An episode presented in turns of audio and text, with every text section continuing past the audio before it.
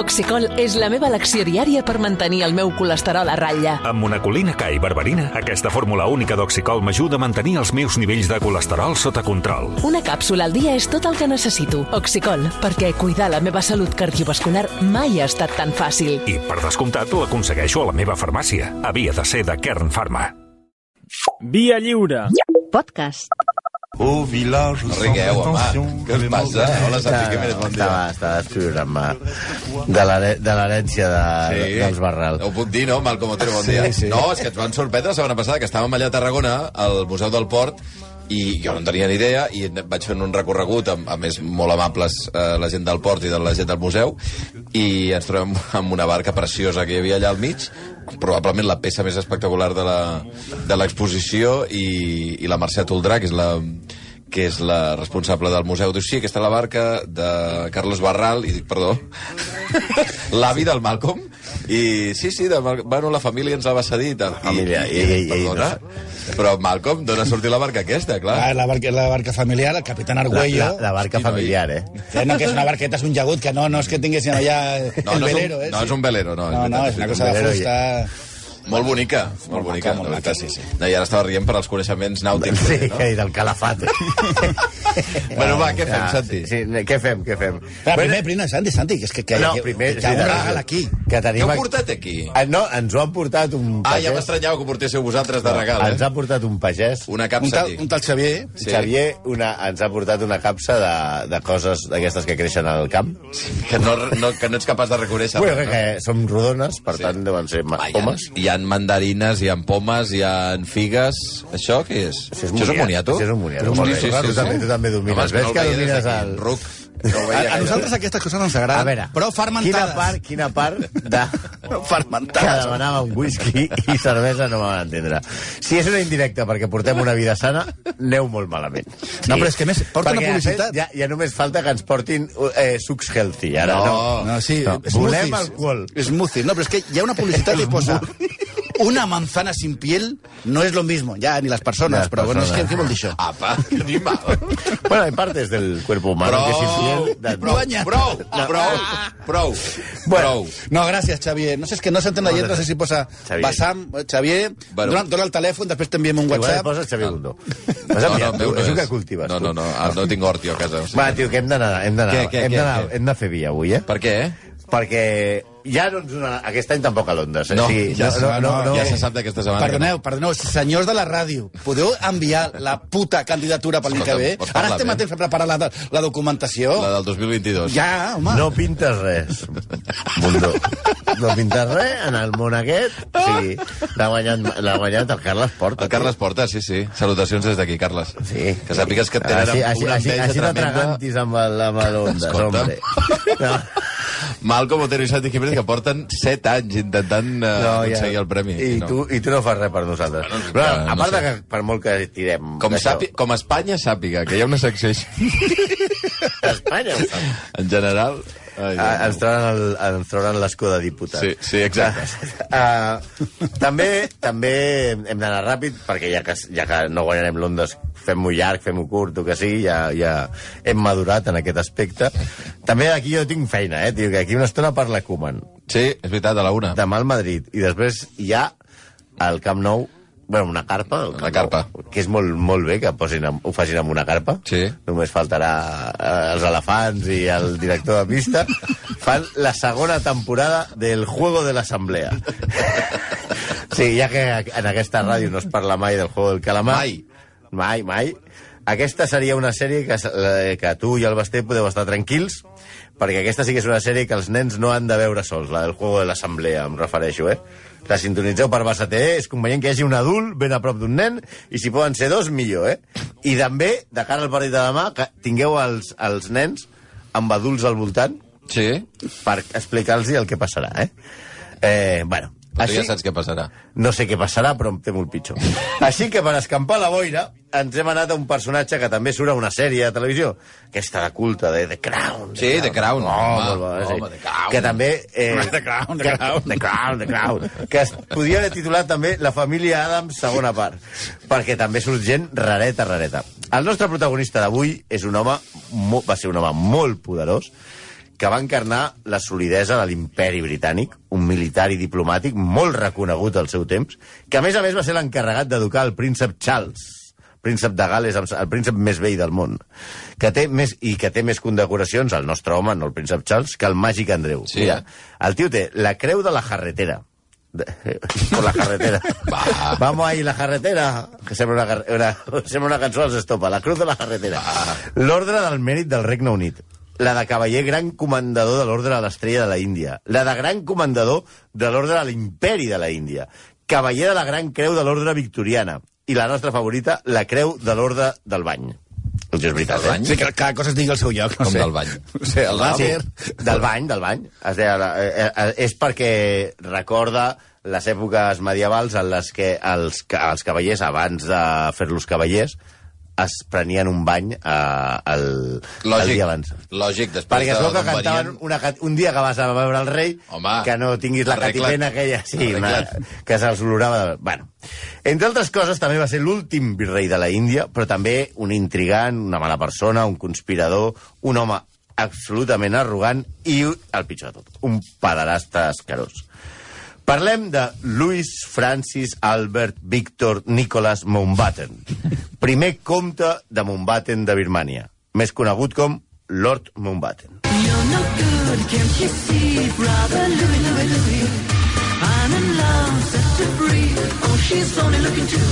Aquesta, aquesta bonica peça dels Modern Talking, que és un duet alemany que ha venut discos, diguem, per comprar al Barça, eh?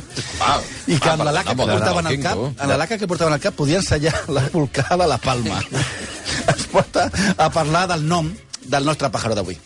De petit, encara que no li deien Lord, perquè estaria, quedaria raro, Només hi havia Lord, Lord. vine cap a casa. Però un moment, eh, aquest Lord, per la gent de, de Crown i els que no, Lord Mountbatten és el pare de Felip d'Edimburg? Tiet. No. Ah, tiet de Felip d'Edimburg, d'acord, encara, quan, com deia, quan era petit no li deien Lord, però ella es deia Louis, i era net de la princesa Alicia, que també era la mare d'un altre execrable de, de la Nissaga, del duc d'Edimburg. Aquí Mm, està. aquest. Estella. Que és el la, difunt la marit- germana de, de. Mountbatten era Ara. la mare del duc Del duc de d'Edimburg, que és qui es va casar amb, Amb la, la reina Isabel, amb la reina Isabel. etc. Però no ens liem. Això de, de, de nom té conya doble o triple. Primer, perquè tot i dir-se Louis Francis Albert Victor Nicholas Brother Louis. a la, a la família tothom el va conèixer sempre, fins a la seva mort, com Dicky. Dicky. És a dir, el diminutiu de Richard, que és un nom que ja és mala sort, no duia. I, i mira tots els que tenia, van un tio triar que porta no. vuit noms i li diuen pel que no té. La reina Victòria, que era la seva besàvia, va començar a dir-li Nicky per Nicholas. Però de seguida va veure que a la família hi havia masses Niquis i es confonia. Niqui, a sopar! I No, venien no. 14. Niqui, deixa això. I 14 tios. I a part- Tot de nens per Buckingham Palace, tots es deien Niquis. Niqui! No, i a part el Niqui principal era el tsar Nicolau II. Cosa que explica bastant la revolució eh, bolxevic. Lenin versus Niqui. Com no havia de guanyar Lenin si lluitava contra Niqui? O sigui, estava claríssim, això. El nostre brother Louis, o Niqui, que ara es diu Dicky, no sé si es aneu entenent, eh? Sí, sí, sí. Tampoc es deia Mountbatten. Des del seu naixement fins als 17 anys, el seu cognom era Battenberg. Però què passa? Que entre Alemanya i, i Gran Bretanya va haver-hi a principis de segle un petit problema anomenat Primera Guerra Mundial. Sí, senyor. Aleshores, la família real anglesa va decidir canviar el seu nom. Sí, estimats, els Windsor només són Windsor des de fa una miqueta més d'un segle, des de 1917. En veritat, el cognom de la família reial anglesa és House of Sex Coburg and Gotha. House of Sex Coburg and Gotha. Però... Un nom alemany... Un alemany de tot. Claríssim, no? Però per la patilla van dir, ens l'hem de canviar. I van dir, què ens posem? A veure, on anem a canviar? Bueno, es posen tots a sopar i diuen, on anem els caps de setmana? A Windsor. A Windsor, no? Pues ens direm Windsor. Ah, ens direm Windsor. Perquè Ala. si arriben a fer balcòlin a Magalluf, ara la reina seria la reina Isabel II de Magalluf. doncs ara és de Windsor. El, doncs si els importants de la família, que eren els Sagen Gotha aquests, es van canviar el nom per Windsor, es van desgermanitzar el nom, els Battenberg, que eren la, la, els cosins, diguem-ne, pobres, també. I així Louis que es deia Nicky, però que ara que tothom deia Dicky, va deixar de ser Battenberg per dir-se Mountbatten. No sé si s'ha quedat Molt clar. complicat, eh? O Una sigui, mica complicat. Sí. S'han de, s'han de fer tesis doctorals, eh? És que ell, com Ser el... persona de la família reial sempre ha estat molt delicat. Molt delicat, molt delicat. No, ell, com el seu nebot Felip, vivien a Grècia. La seva mare era la reina de Grècia. Sí, senyor. Però van haver de marxar a Calla, Cames, ajudeu-me, quan va... Qui va aparèixer? Els turcs. Que vienen los turcos. ¡Que vienen los turcos! Uy, uy. La, família, turco. la família es va disgregar, la vida d'Alicia dona per una altra sèrie. Només us avancem que va ser una de les primeres dones tractades per Sigmund Freud, Hosti, no. que li va aplicar electroxoc sobre els ovaris No, no. per eliminar la seva libido i que deus amb el detall perquè això, de, això del que, que tenia Fort Uterí explica moltes coses que ara vindran. Dicky, el nostre Dicky, va fer-se militar. Que abans es deia Louis i, Sí. i no es deia Nicky, Mountbatten, Vicky. es deia Gutenberg. El El- Combaten. A, als 13 anys entra a l'Acadèmia Naval i als 16 ja serveix a la Marina. Allà fa carrera. Comença a lluitar en la Primera Guerra Mundial, a la segona ja és jefazo, i sobretot es fa molt amic del príncep de Gales, Eduard, que era que havia de ser el futur, el futur rei d'Anglaterra, però que va desistir perquè es va liar amb Wallis Simpson, res a veure amb Bart ni amb Homer, Sí. una divorciada americana. Edward va deixar l'acord, però Dicky ja s'havia fet imprescindible. Ara, ara. Aquí anem. El tema, el, el, el tema de, de la caixa d'eines. Aquí és per on plora la criatura. I mai més ben dit de la criatura amb aquest personatge. Aquell, el seu punt feble era el sexe.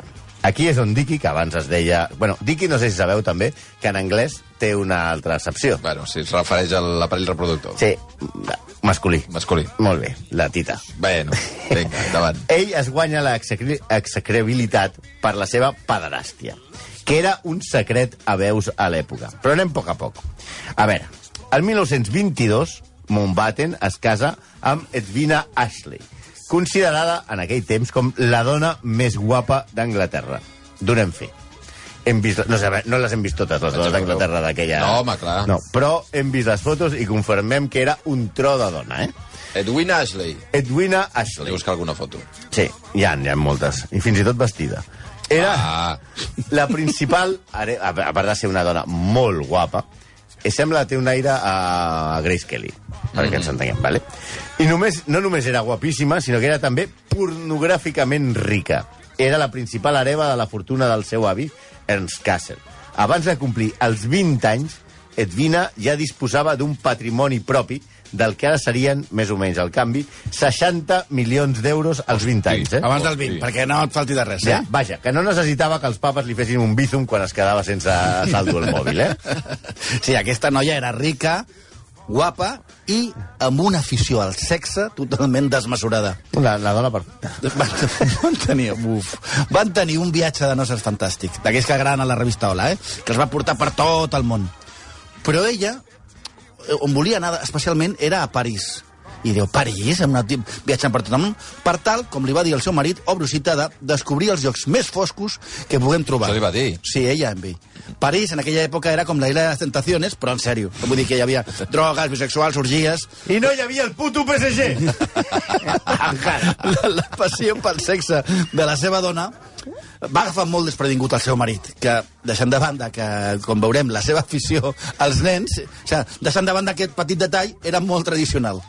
Va definir el comportament de la seva dona com, obro cita, una barreja de psicologia, de psicologia i qüestions hidràuliques. Sempre hidràuliques. Sempre, Sí. sempre tan fi i tan metafòric, els britànics. Des del primer moment, La meva dona té problemes hidràulics. bueno, des del primer moment, tots dos van pactar tenir un matrimoni obert. molt obert. que Dicky va definir com, obro cometes, ens van passar el nostre matrimoni, matrimoni ficats en els llits d'altres persones. Sí, l'acord, com veieu, era clar. El matrimoni es va considerar com una empresa familiar que servia per progressar políticament, però sexualment cadascú feia el que li rotava. Tot i que Dicky havia posat nom als pits de la seva dona. Perdó? Els, sí, els anomenava Matt i Jeff. No com vosaltres, joves, que Però- dieu T i Tas. No. Li va, va batejar cadascun Matt. dels pits de la Un era dona. Matt i l'altre era Jeff. Que són els noms amb què a la Marina es coneixen les condecoracions que et posen. Ah. He guanyat un Matt, he guanyat un Jeff. Perquè posaven, depèn de quin costat, del pit es posaven, vale. Una cosa...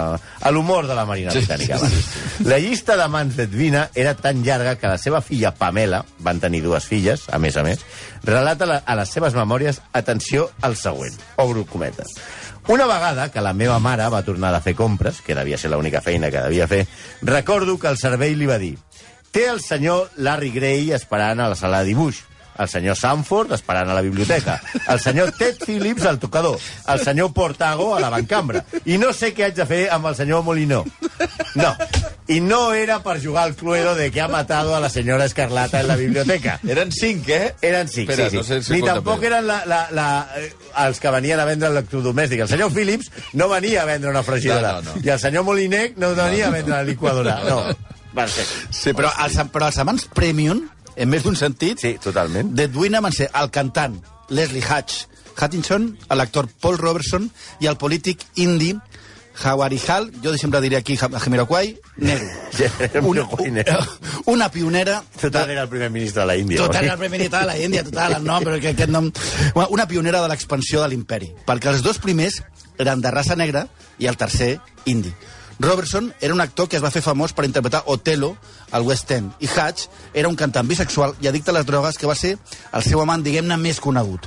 Amb ell va haver d'anar a l'hospital després de quedar-se atascats en ple acte sexual per tal de que els separessin. S'havien quedat encallats un amb l'altre, eh? Sí, perquè el que li va regalar una funda pel seu penis folrada amb diamants de Cartier. Però què dius, home, per Sí, favor? sí, sí, va, sí, sí, va, sí, va, sí. La va. Guina no s'estava de res, Va, eh? va. Eh, Home, no, la però a tenia, la tenia saldo, però eh? Aquest, que, no, però que aquesta funda li devia sortir molt cara, perquè Montbatten clar.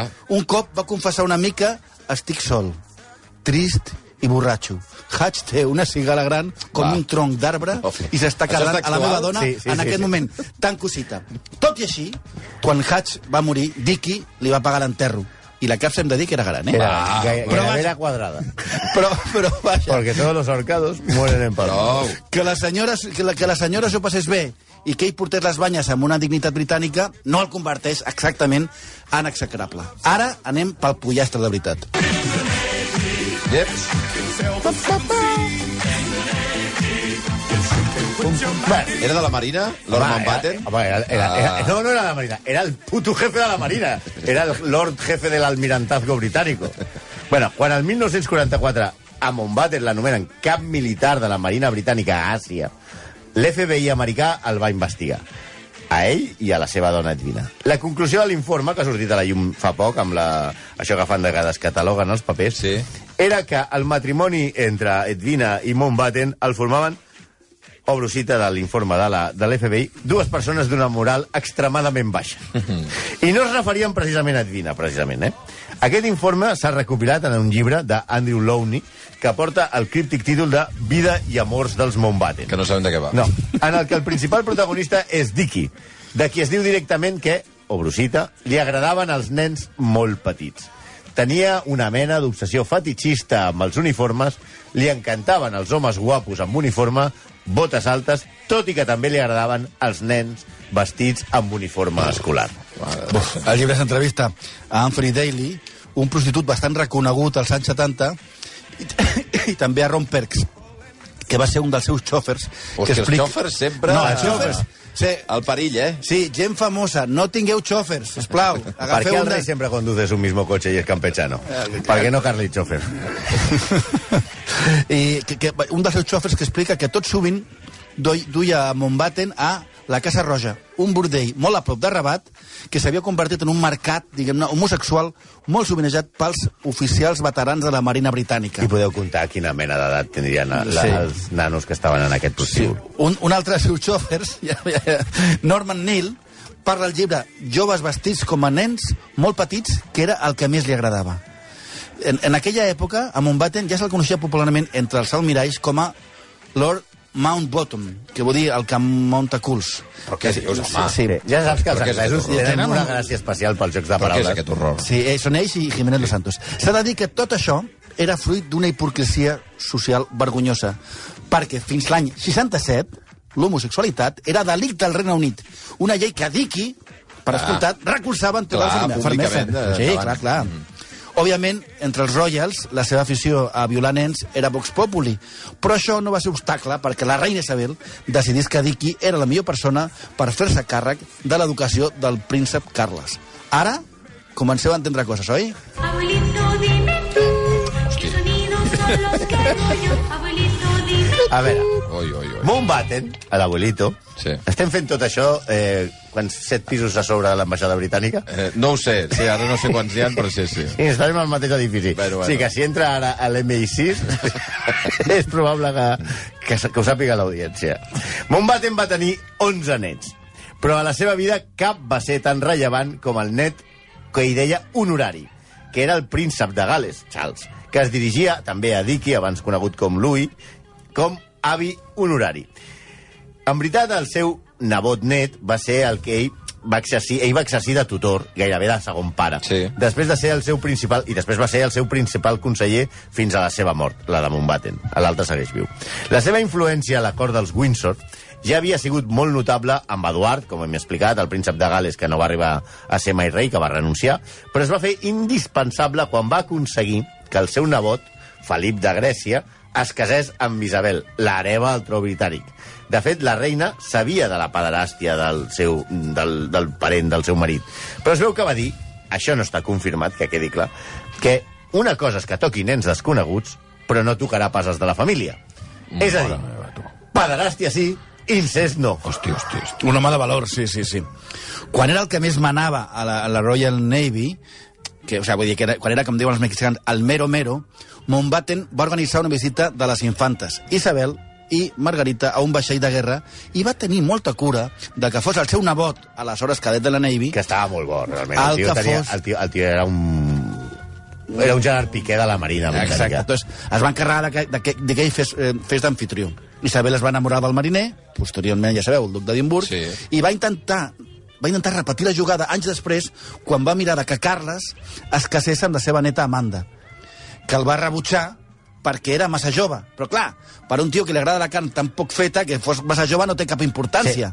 Però la seva influència no només era de portes endins, intentant aconseguir matrimonis i juntar a, a, a, els Royals amb la seva família, que era semi-royal. El 1947 va succeir a Lord Wavell com a virrei de la Índia. Era, seria l'últim virrei de la Índia, amb l'encàrrec de tutelar el procés de transferència i independència de la joia de la corona. No, a veure, no és... I això també va per la gent aquí que té pressa i tot això. Els britànics no eren molt demòcrates i no van escoltar el poble indi, mm. ni la gent. És que mantenir la Índia els hi sortia per un ull de la cara. O sigui, no els hi sortia a compte. Per tant, era una ruïna econòmica pel Regne Unit. Per això els van deixar marxar. Sí, òbviament, fidel a la seva tradició imperial, a Mountbatten no li feia cap gràcia aquesta jugada política, però la va fer perquè li van manar. Aquesta excusa que serveix per arreglar qualsevol desgràcia i perquè el rei Jordi VI li va dir si triomfes, serà una cosa molt bona per la teva família. Sí, te, te vas a forrar, xat. Va ser ell qui va afavorir que la joia de la corona es partís en tres estats que han tingut molt, molt bones relacions a partir d'aleshores. Índia, Pakistan i Bangladesh. O sigui, vull dir, és de la sessió de Convergència o la de Podemos i més país no hi ha hagut una, una, un, una idea tan bona. O sigui, va tenir una idea fantàstica en partir això.